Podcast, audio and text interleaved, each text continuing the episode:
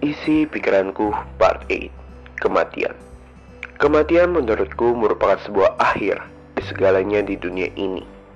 Tidak ada satu orang pun yang terjerumus akan kesenangan fana. Mereka rela untuk menghadapi kematian.